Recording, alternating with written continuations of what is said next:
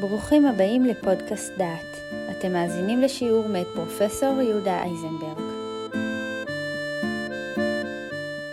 יהושע פרק כ' גאולת הדם ומשמעותה בספר במדבר מובאת מצווה הקשורה לדיני רוצח בשגגה.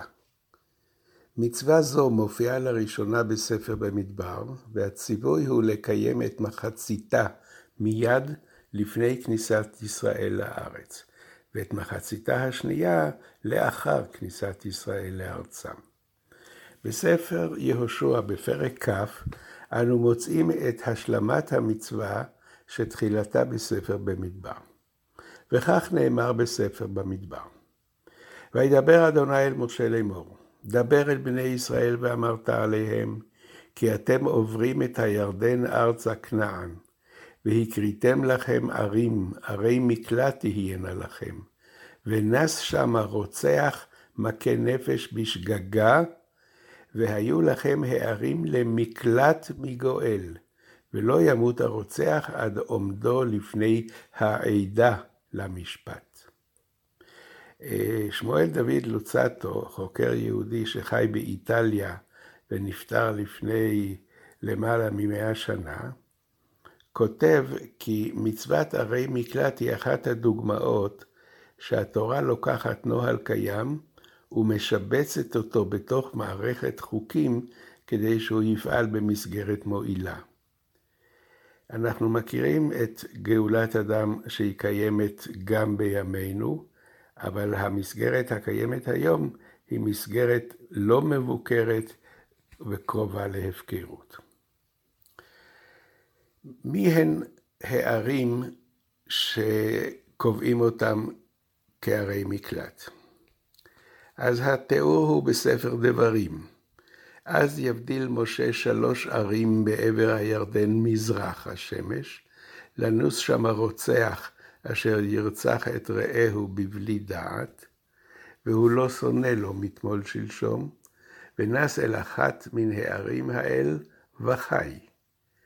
את בצר במדבר, בארץ המישור לראובני, ואת רמות בגלעד לגדי, ואת גולן בבשן למנשי.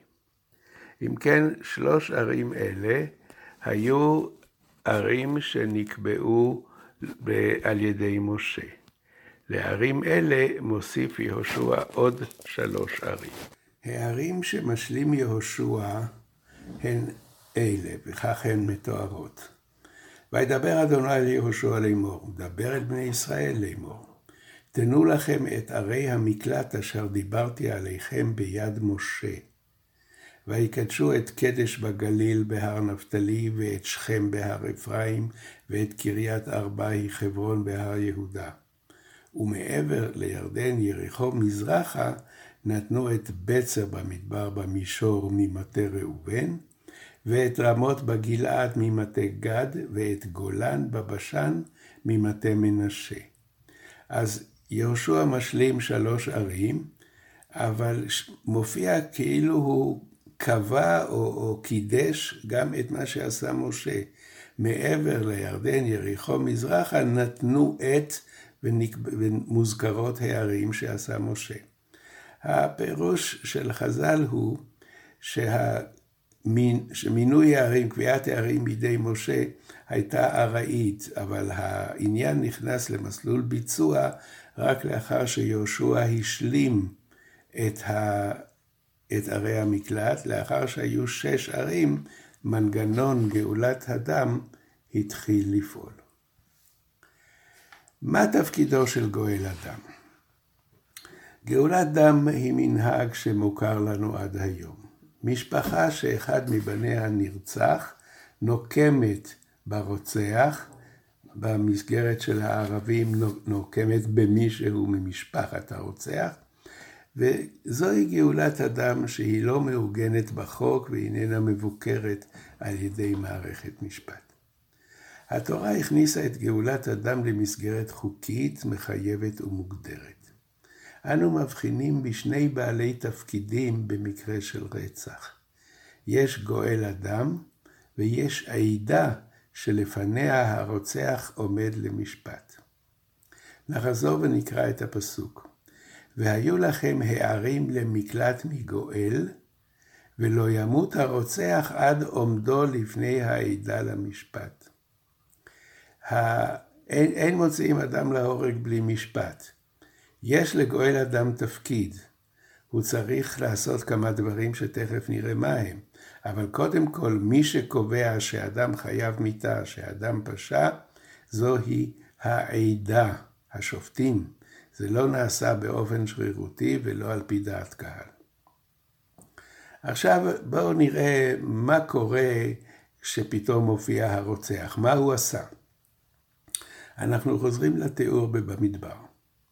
אם בפתע בלא איבה הדפו, או השליך עליו כל כלי בלא צדיה, או בכל אבן אשר ימות בה בלא ריאות, ויפול עליו וימות, והוא לא אויב לו, ולא מבקש רעתו, ושפטו העדה בין המכה ובין גואל הדם על המשפטים האלה.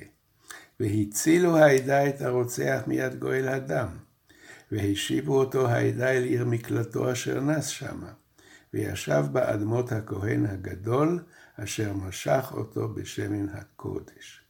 אנחנו מבחינים שהפסוק האחרון הוא מעורפל. ישב באדמות הכהן הגדול אשר משך אותו. מי משך את מי? לא ברור, נשאיר את השאלה פתוחה. אם כן, מדובר פה באדם שבטעות, בלי כוונה, בלי, בלי שום סיבה נורמלית, גרם למותו של אחר. והאחר הזה יש משפחה, ואחד מבני המשפחה מקבל תפקיד של גואל דם. אבל אין הוא רץ לרצוח, אלא הוא מופיע כמאשים אל מול העדה, אל מול העדה ששופטת בין הרוצח לבין גואל הדם. אם כן, יש לנו את תפקידו הראשון של גואל הדם. גואל הדם, לפי התיאור שראינו עכשיו, הוא התובע. הוא מביא את הרוצח לפני בית הדין. כאן צריך לציין שהתפקיד הזה של תובע הוא תפקיד מעניין שהוא בספרות ההלכה נשאר כחובה קבועה עד היום הזה. לשולחן ערוך יש פירוש בשם פתחי תשובה, ובחושן משפט תכ"ו מופיע משפט כזה: אחד שנהרג בדרך, ונודע מיהו הרוצח. יש לחוף לקרובו של הנרצח, שיהא רודף אחר הרוצח להעמידו בדין. כי מצווה מוטלת על גואל הדם להמית הרוצח. וכך נהגנו פעמים הרבה, ועשינו עם פרנסי הדור, שהיו מעמידים גואלים לרדוף אחר הרוצחים. מדובר פה כמובן בחברה שהמשטרה איננה עושה את תפקידה והפרקליטות עסוקה בדברים אחרים. ואדם נרצח ואף אחד לא מתרגש מזה. אומר, אומרת ההלכה, המשפחה חייבת לדאוג שהרוצח יעמוד לדין. אז בתיאור שמופיע פה הוא צריך לרוץ ולתפוס אותו. בחברה שלנו הוא צריך להיות זה שמגיש תלונות ועומד על המשמר ועוקב אחר הפעילות של הפרקליטות, והוא לא נותן לעניין לשקוע עד שהרוצח מקבל את עונשו. זאת אומרת, גאולת דם זו אחריות על המשפחה לדאוג להעמדת רוצח לדין. בספר במדבר יש עוד תפקיד לגואל אדם. וזה תפקיד כבר, תפקיד שיפוטי. מה קורה אם הרוצח אינו נמלט לעיר המקלט? התפקיד של ערי המקלט, כפי שראינו, הרוצח בורח לשם והוא נמצא שם עד מות הכהן הגדול. אבל הוא יוצא החוצה והוא הולך לטייל והוא מצפצף על כל העולם. מה קורה אז? והיו לכם, אומר הכתוב במדבר, והיו לכם הערים למקלט מגואל, ולא ימות הרוצח עד עומדו לפני העדה למשפט. זאת אומרת שגואל הדם שרואה את הרוצח עוזב את עיר המקלט ומתנהג כאחד האדם, הופך להיות שליח בית הדין ומותר לו להרוג את הרוצח. האיום במוות לגבי רוצח שאיננו מקבל, שאיננו ממלא את עונשו, הוא האיום שמאלץ אותו להיות בעיר המקלט. והתיאור של הרוצח שמגיע לעיר המקלט בספר יהושע הוא מאוד יפה. ונס אל אחת מהערים האלה, ועמד פתח שער העיר. הרוצח מגיע לשער העיר, הוא רוצה מקלט, ודיבר באוזני העיר, זקני העיר ההיא, את דבריו. הוא מספר מה קרה, רצחתי במזיד, אני לא אשם, אני מבקש מקלט. ואספו אותו העירה עליהם, ונתנו לו מקום וישב עמם. וכי ירדוף גואל הדם אחריו, ולא יסגירו את הרוצח בידו, כי בבלי דעת היכה את רעהו, ולא שונאהו לו מתמול שלשום. אם כן, יש לנו כאן דבר מעניין. הרוצח מגיע לעיר מקלט, אבל זה לא אוטומטי שהוא נכנס לשם והכל בסדר. הוא עובר שימוע. הוא מסביר לזקני העיר מה קרה, והוא משכנע אותם שבאמת הוא בסטטוס של רוצח בשוגג. רק אז הוא מקבל מקלט, והמקלט הוא נגד הגואל הדם או נגד משפחת הנרצח, שהם אינם יכולים לעשות לו שום דבר. ותפקיד שלישי יש לגואל הדם, וגם הוא בספר במדבר. אם כן, אמרנו שהוא דואג שהרוצח יעמוד לדין, אמרנו שהוא השומר שהרוצח לא יתחיל לטייל ויעזוב את עיר מקלטו, ועכשיו הגענו לתפקיד השלישי. התפקיד השלישי מדבר על רוצח שהוא לא בשוגג. ואם בכלי ברזל היכהו בימות, או בכלי עץ יד אשר ימות בו היכהו בימות, זאת אומרת, אדם היכה את השני בכלי שכאשר מכים בו מתרחש מוות. רוצח הוא, מות יומת הרוצח. גואל הדם הוא ימית את הרוצח, בפגעו בו הוא ימיתנו. אם כן, יש, לה, יש לנו עכשיו אדם שהוא כבר ממלא תפקיד של שליח בית הדין. אם בית הדין קובע שהאיש חייב מוות, מישהו צריך לבצע את פסק הדין.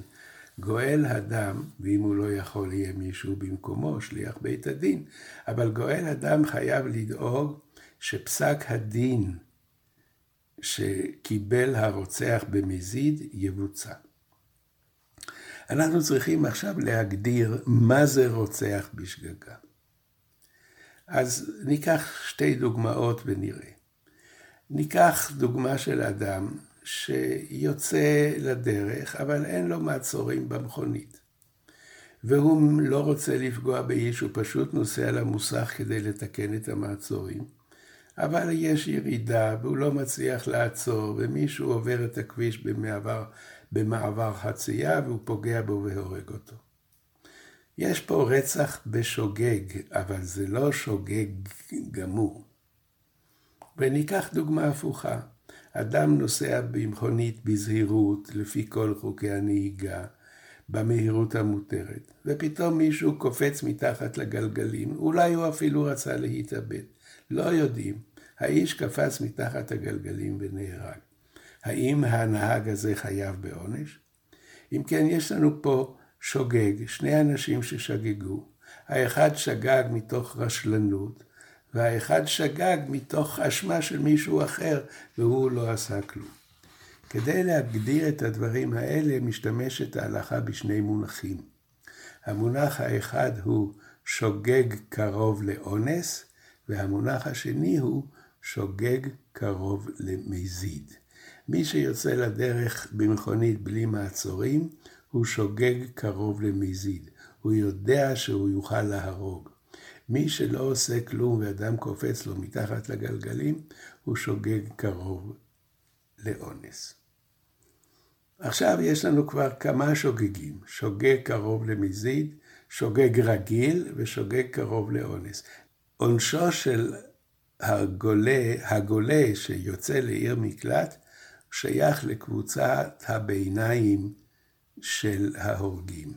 הוא פחות אחראי מאדם שיצא בלי מעצורים, והוא יותר אחראי מאדם שנסע ומישהו קפץ לו מתחת לגלגלים. הדוגמה של התורה היא אדם שחוטב עצים. יש לו גרזן, בראש הגרזן יש חלק המתכת החד, והוא מכה בגרזן את העץ. והוא רואה לפניו אדם עובר. אין סיבה שהגרזן יתפרק והמתכת תרוץ ותרוצץ את אה, ראשו של אדם. אבל אם אתה מכה ולפניך עובר אדם, תהיה זהיר. נכון שאתה לא הכית, אה, הכית במזיד, אבל גם נכון שלא היית זהיר מספיק. זהו המצב שאדם יוצא לגלות. אתה לא אשם, אתה לא אנוס, אתה בלתי זהיר. לדינו של רוצח בשגגה והגלות יש עונש מאוד מוזר. אנחנו יודעים שיש עונש ויש קיצור עונש ויש קצבה ויש חנינה ויש נשיא. מה שיש בתורה באיסור הגלות זה משהו שהוא רחוק מכל מה שמוכר לנו. וכך נאמר בספר יהושע. וישב בעיר ההיא עד עומדו לפני העדה למשפט, אדמות הכהן הגדול אשר יהיה בימים ההם. אז ישוב הרוצח ובא אל עירו ואל ביתו, אל העיר אשר נס משם. מה הקשר בין הכהן הגדול שיושב בירושלים לבין רוצח שנס והוא יושב לו בקצה הגולן והוא מחכה לסוף עונשו? מדוע מותו של הכהן הגדול זה קצבת עונש לרוצח בשוגג? הרמב"ם במורה נבוכים מסביר את זה באופן פסיכולוגי, והוא אומר כך: אמנם, היות רוצח בשגגה גולה, הוא להשקיט נפש גואל הדם, עד שלא יראה מי שבאה התקלה הזאת על ידו. האיש הזה גרם למותו של קרוב משפחתך, שהוא לא יסתובב לך בין הרגליים, שילך לקצה הארץ, ישב שם. המשפחה לא צריכה לראות את האיש שגרם למוות. ותלה חזרתו במות האיש אשר הוא הנכבד בבני אדם והאהוב לכל ישראל, שבזה תנוח דעת הגואל אשר נהרג קרובו, שזה עניין טבעי לאדם. כל מי שתקראהו צרה, כשתבוא גם כן לזולתו כיוצא בה, או גדולה ממנה, ימצא נחמה בזה על מקראהו. ואין במקרה מות בני אדם אצלנו יותר גדול ממיתת כהן גדול. אם כן, אומר הרמב"ם, האיש ישב בעיר המקלט עד שתהיה איזושהי קטסטרופה לאומית, משהו שכל העם מתאבל, והוא באבלו והעם באבלם, והסיטואציה הזאת יכולה להגיד, די, מספיק, פותחים פרק חדש. לפי המושגים שלנו, יש פה אי צדק.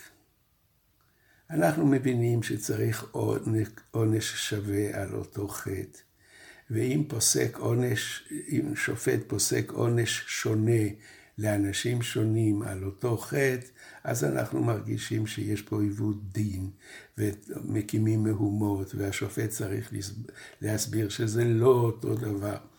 יש לנו בעיה עם עונש שהוא לא קצוב באופן הגיוני. הרוצח הזה, שהוא רוצח בשגגה, מקבל עונש עד שמישהו במקום אחר ימות. והמישהו הזה שמת במקום אחר, יכול להיות צעיר שלפניו הרבה שנות חיים, ויכול להיות זקן מאוד שלא יגיע לשנת, לשנה או, או שנתיים של חיים, ושני הרוצחים יוצאים מעונשם לפי קנה מידה בלתי מובן לחלוטין. איזה עונש זה שמישהו אחר בעיר אחרת קובע ביום מותו שהרוצח משתחרר. כדי להבין את הדין הזה של הרוצח בשגגה, צריך להבין שיש פה הנחה יסודית שמעשיו של האדם מוכתבים בידי הבורא, מוכתבים מלמעלה. רש"י מביא בפירושו לפרשת משפטים את הסיפור הידוע על שני בני, אדם, ש... שני בני אדם שהרגו, האחד במזיד, האחד בשוגג. אין עדים, אי אפשר להעמיד אותם לדין. מה עושה הקדוש ברוך הוא? מזמנם לפונדק אחד. זה שהרג במזיד יושב תחת הסולם, זה שהרג בשוגג עולה בסולם, הסולם נשבר, הוא נופל על זה שהרג במזיד והורג אותו, ויש עדים. אז נוצר מצב שזה שהרג במזיד נהרג, אמנם לא בידי בית דין, אבל בידי סיטואציה שנקבעה על ידי בורא העולם, וזה שהרג בשוגג גולה, כי הוא הרג בשוגג, והפעם יש עדים. זאת אומרת שאנחנו מדברים על עולם שהדברים לא מתנהלים במקרה ולא באיזשהו הטלת מטבע, אלוהים לא משחק בקוביות. המקרה גם הוא מכוון, ואם אדם מגיע למקום ובגלל תאונה הוא גורם למוות, אז המוות הזה מכוון לפי סדרו של עולם. לכן היכולת לקבוע את הדין ואת משך המוות לפי חייו של הכהן הגדול ומותו, זה דרך שהיא מניחה שיש מישהו שמנהל את החיים ומנהל את המוות וקובע קצבה לכל אדם.